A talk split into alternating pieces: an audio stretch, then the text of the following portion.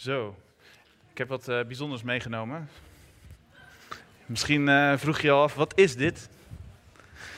Er zit 80 kilo olie in. Nee hoor. Nee, wij hebben afgelopen weekend zijn wij hier in jullie achtertuin op kamp geweest. En het thema van dat weekend was Olympic Ranger. Als je goed hebt opgelet, zag je dus al die witte shirts. Daar stond dat, staat dat op, Olympic Ranger. En uh, wij hebben ons de vraag gesteld van, hey, die, die atleten hè, die we een paar weken terug op tv allemaal zagen, Hassan en uh, al die anderen die uh, mooie medailles hebben gehaald. Wat kunnen we daar nou van leren? Wij als Royal Rangers, wij als christenen, wat kunnen we van hen leren? En er staan zelfs teksten in de Bijbel die gaan over atleten. Waarvan Paulus zegt: kijk naar wat zij doen en doe dat ook in je geloof, in je volgen van God. Dus dan gaan we, wat ik ga doen is, ik ga even voortborduren op wat we de afgelopen twee dagen al hebben gedaan. En uh, de Rangers moeten mij even helpen. Oké, want um, we hebben hier uh, al een aantal dingen uitgehaald drie voorwerpen die ook op het shirt staan. Ja, misschien wil jij even hier komen, want dan kan jij ook even dat shirt laten zien. En dan kan jij mij gelijk helpen van uh, wat het betekent. Want als eerste hebben wij de verrekijker eruit gehaald. Als sporter, als je de Olympische Spelen wilt halen, dan heb je nodig, niet een verrekijker, maar waar staat deze voor? Een, een doel. Ja, je hebt een doel nodig. Je moet weten waar je naartoe gaat. Als je niet weet waar je naartoe gaat als sporter, dan kom je er niet. Dat geldt ook voor ons als christenen. Weet waar je naartoe gaat. Wat is je doel? Wat zie jij als je in de verte kijkt? Zie jij een mooi prachtig huis? Grote auto? Of zie je Jezus? Doel. En dan? Uh, even kijken. Ja. Wow. Ja, heel goed. Nou, jij uh, hebt het goed onthouden. Een touw staat hier. Je hebt een drive nodig. Je kan een doel hebben hè, als sporter. Maar als je niet de drive hebt om daar naartoe te gaan, ja, dan blijf je stilstaan. Even heel concreet, als je op een paard zit en je denkt, eh, ik wil die kant op paard, dan gaat het paard niet bewegen. Je hebt de teugels nodig om eh, aan het paard te laten weten van we moeten die kant op. Dus doel en drive.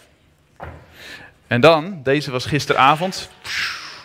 Kijk, ik zal hem even demonstreren. Even bukken allemaal. ik kan het heel goed. nee hoor. Um, durf. Heel goed. Die staat hier. Hop, aan de rechterkant. Durf. Als derde heb je als sporter de durf nodig om je net als een boog te laten spannen. Want ook als je een goede sporter, een goede Olympische sporter wilt worden, en dan kan je niet op jezelf. Je hebt een coach nodig. Iemand die, die naar je kijkt en die je aanwijzingen geeft. En zegt van oké, maar nu kan je, ja dankjewel, ga lekker zitten. Nu kan je beter, uh, nu kan je beter uh, deze, de bal zo raken. Of nu kan je, je kan beter zo op je fiets gaan zitten. Of nu iets harder, nu iets zachter. En dat heet spannen. Dat doet soms een beetje pijn, feedback. Iemand die tegen je zegt van je kan beter dit of dat. Dat doet een beetje pijn. Dat is zoals een boog die gebogen moet worden. Maar alleen als je gebogen wordt, kan de pees gespannen worden en kan, je, kan er een pijl geschoten worden. Zo kunnen wij als, als rangers en als christenen, alleen als we de durf hebben om ons door God te laten vormen, om ons aan, ons aan God toe te vertrouwen, kunnen we gevormd worden. En uh, kan God ons gebruiken om uiteindelijk een doel te raken met ons leven. Dus doel, drive, durf. Nou, en dan komt de laatste. Het zijn allemaal korte woorden en ik dacht de langste, de moeilijkste, die baar ik voor het laatst. Voor jullie. Een stok. Nee, dat is niet het woord. Het is namelijk ook met een D. Discipline. Discipline. Als sporter heb je discipline nodig. Nou, als er een van die vier woorden is die ik het lastigst vind, ook gewoon om uit te spreken, discipline, maar ook in mijn eigen leven, dan is het wel discipline. Het is ook een beetje een saai en een suf woord, als ik eerlijk ben. Maar als je als sporter geen discipline hebt, dan kan je wel een doel hebben, daar wil ik naartoe. Je kan gedreven zijn, je wil er graag naartoe gaan, een drive. Je kan wel de durf hebben en zeggen, ja, ik wil er alles voor over hebben om daar naartoe te komen. Maar als je niet de discipline hebt, dan kom je er niet. En dat is ook zo voor ons als christenen. Discipline. Het woord, even, even wat uh, hogere wiskunde. Het woord discipline komt van disciplina, dat is Latijn. En dat betekent onderwijzen, zoiets als onderwijzen. dat woord discipline wordt ook wel gebruikt voor sport bijvoorbeeld. Sportdisciplines of in de wetenschap, wetenschappelijke disciplines. Of denk maar aan het woord wat ook hier waarschijnlijk vaker klinkt, discipel, leerling. Dus discipline heeft met leren te maken, met onderwijzen. Ik ga een uh, tekst met jullie lezen. Dus deze staat, uh, dit ziet er een beetje onderbiedig uit op zo'n mooie tafeltje. Ik leg die maar hier. Ik ga met jullie samen lezen, dus als je je bijbeltje hebt, mag je meelezen uit Hebreeën 12. Want eigenlijk alles wat hier ligt, gaat terug, wisten jullie nog niet, op een tekst van Paulus uit Hebreeën. Hebreeën 12, vers 1 tot en met 13. En ik zal steeds even kort stilstaan en wat uitleggen over die tekst. Wat er nou echt staat. Luister, dit schrijft naar Paulus, zeg ik wel, maar we weten niet helemaal zeker of het Paulus was die dit uh, heeft geschreven. Um, maar in ieder geval een apostel, een, uh, iemand uit de, uit de kerk die uh, in hoog aanzien stond, schreef dat aan een gemeente 2000 jaar geleden. Nu wij door zo'n menigte geloofsgetuigen omringd zijn. Dus dat is, daar begint het mee. Je moet je voorstellen, een heel groot stadion. Zoals we die ook op tv hebben gezien. En jij, jij, jij, jij staat. Oh, ik blijf achter die stok. Jij staat in de startblokken. Jij staat, als, als je dit leest, in de startblokken. En al die mensen, die kijken naar jou. Die grote menigte geloofsgetuigen. Maar dat zijn niet zomaar mensen. Dat zijn niet zoals als wij in het stadion zouden zitten en we zouden naar, de, naar Hassan kijken, om haar nog maar eens een keer te noemen. Hè? Wij zouden nooit zo snel als haar kunnen rennen. Wij kijken en we denken, oh wat knap, maar uh, dat kan ik niet. Maar die mensen die naar ons zitten te kijken, de mensen die ons voor zijn gegaan in hun geloof in God, dat zijn allemaal mensen die dezelfde weg zijn gegaan als wij nu aan het gaan zijn. Dat is een heel ander publiek. Het zijn geen toeschouwers die kijken, het zijn getuigen. Het zijn mensen die ons zijn voorgegaan. Dus, ja, ik ga niet zo lang bij elk vers stilstaan hoor. Wees maar niet bang. Nu wij door zo'n menigte geloofsgetuigen omringd zijn, dus dat stadion, Zie het voor je? Jij staat in het midden. Moeten, wij, moeten ook wij de last van de zonde waarin we steeds weer verstrikt raken, van ons afwerpen. En vastberaden de wedstrijd lopen die voor ons ligt. Zie je, hij ligt voor je, die wedstrijd. Alles wat te zwaar is, moet je natuurlijk van je afdoen, want anders kan je niet snel lopen. Laten we daarbij de blik, hé, hey, daar komt hij, de blik, het doel houden, gericht houden op Jezus. De grondlegger en voltooier van ons geloof. Hij is ons voorgaan. Hij loopt voor ons. En hij zegt, kom deze kant op. Je kan het. Denkend aan de vreugde die voor hem in het verschiet lag, het gaat over Jezus, liet hij zich niet afschrikken door de schande van het kruis. Dus het ergste van het ergste. Hij ging er dwars doorheen. Hij liet zich niet ontmoedigen. Hij hield stand en hij nam plaats aan de rechterzijde van de troon van God. Laat tot u doordringen hoe hij stand hield toen de zondaar zich zo tegen hem verzette, opdat u niet de moed verliest, niet de drive verliest, het touw. Laat Jezus je voorbeeld zijn, dan verlies je niet de drive die je nodig hebt. U hebt nog u hebt in uw strijd tegen de zonde uw leven nog niet op het spel gezet, zoals Jezus dat wel heeft gedaan. Kennelijk bent u de bemoediging vergeten die tot u, uh, tot u als tot kinderen wordt gericht. Mijn zoon, je mag een vermaning van de Heer nooit terzijde schuiven en nooit opgeven als je door Hem terechtgewezen wordt. Want de Heer berispt wie Hij lief heeft en Hij straft elke zoon van wie Hij houdt. Het klinkt een beetje streng, hè? Maar dit gaat eigenlijk over die durf. Durf jij je door God te laten zeggen welke kant je het beste op kan gaan? Hey, als er iemand is die weet wat goed is voor jou, als er iemand is die, die deze wereld, die, diegene die deze wereld gemaakt heeft, die jou gemaakt heeft, die weet wat goed is voor jou, dan is het God wel. En dat, dat hij soms, hè, dat kan soms een gevoel zijn in je binnenste, dat je weet van, ah, dit is eigenlijk niet goed wat ik nu doe. Je geweten noemen we dat ook wel. Of als er iemand anders is, soms je vader of je moeder of uh, vriend of een vriendin die zegt, nee, dit is niet goed. Dan doet dat soms pijn, dan voel je dat. Dan voel je dat. Maar dan moet je weten, als, als je daarin, als dat Gods stem zou kunnen zijn die tot jou spreekt, dat God jou niet dat laat ervaren omdat hij niet van je houdt, maar juist omdat hij superveel van je houdt, omdat hij het allerbeste met je voor heeft. En omdat hij graag wil dat je de goede weg op gaat. En dat kan soms even pijn doen, net zoals die boog die gespannen moet worden voordat die gebruikt kan worden. We gaan weer een stukje verder. Hou vol. Het betreft hier immers een leerschool. God behandelt u als zijn kinderen, geliefde kinderen. Welk kind wordt nou niet door zijn ouders zijn, of zijn vader berispt? Dus wie krijgt er nooit een standje? Niemand. Of zijn er Rangers die nog nooit straf hebben gehad van hun ouders? Kijk. oh.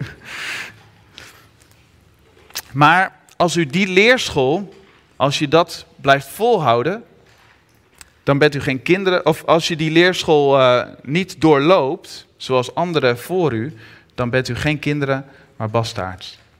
Daar komt nog bij dat wij voor onze aardse vaders, voor wie we, door wie we werden opgevoed, respect hadden. Hoeveel te meer zullen we ons dan niet onderwerpen, dus aan God overgeven, aan het gezag van de Vader, van alle geesten, en dan leven. Onze aardse vaders berispten ons, die gaven ons standjes, maar, uh, maar voor korte tijd en naar eigen goeddunken, naar wat zij dachten dat goed was. Maar God, die leidt ons en berispt ons voor ons eigen bestwil, om ons te laten delen in zijn heiligheid.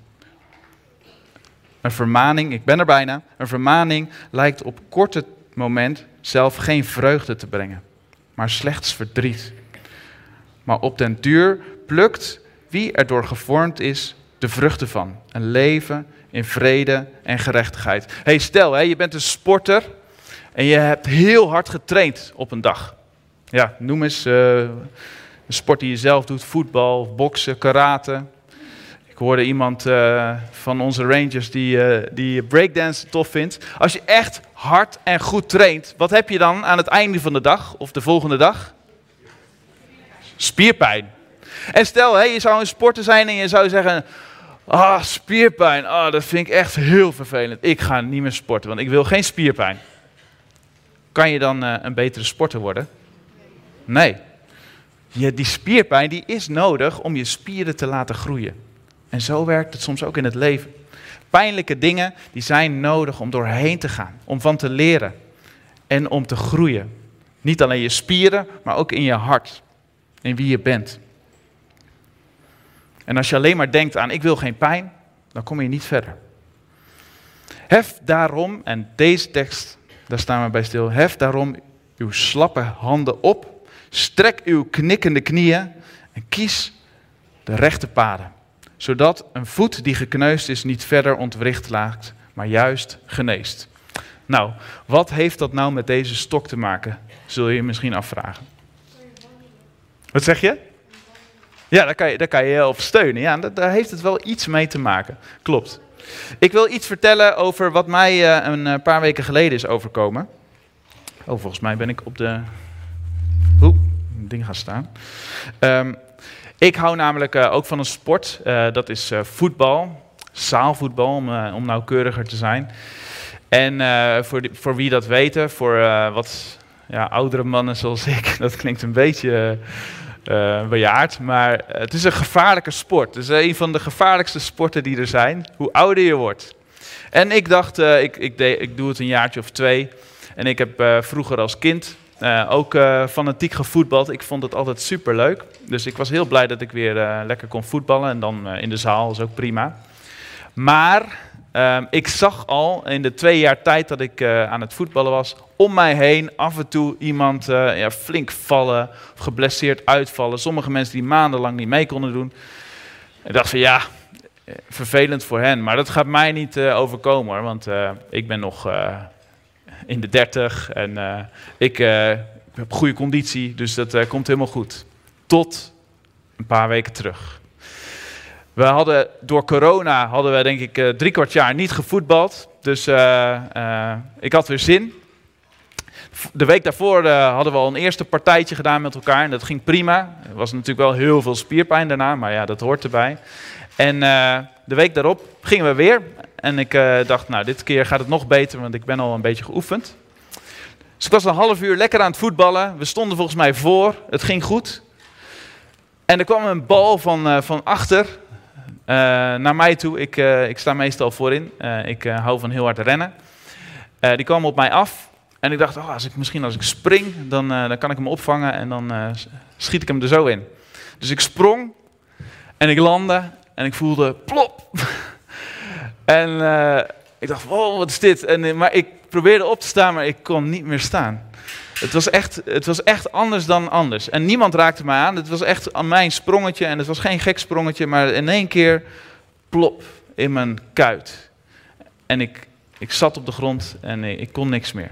Ik, uh, ik, strompelde naar de zijkant. Ze, eerst, ze voetbalde nog een minuut door of zo. Ze dacht, oh, dat uh, komt wel goed. Maar dat kwam niet goed. En ik, uh, ik ging op de bank zitten, hup, reserve. Ik dacht, nou, misschien gaat het wel over, maar nee, het ging niet over naar huis, ijs, been omhoog. En wat bleek, zei de fysiotherapeut, uh, het is een zweepslag. Uh, niveau 1 of zo, je hebt drie niveaus. Nou, niveau 1 is het beste, want dan ben je er het snelste vanaf. Um, maar zo'n zweepslag, uh, dat zijn de sappige details, betekent dat er een, een spier die hier in je kuit loopt, scheurt. Oh, dus dat was die plop die ik voelde en daarom kon ik niet meer staan.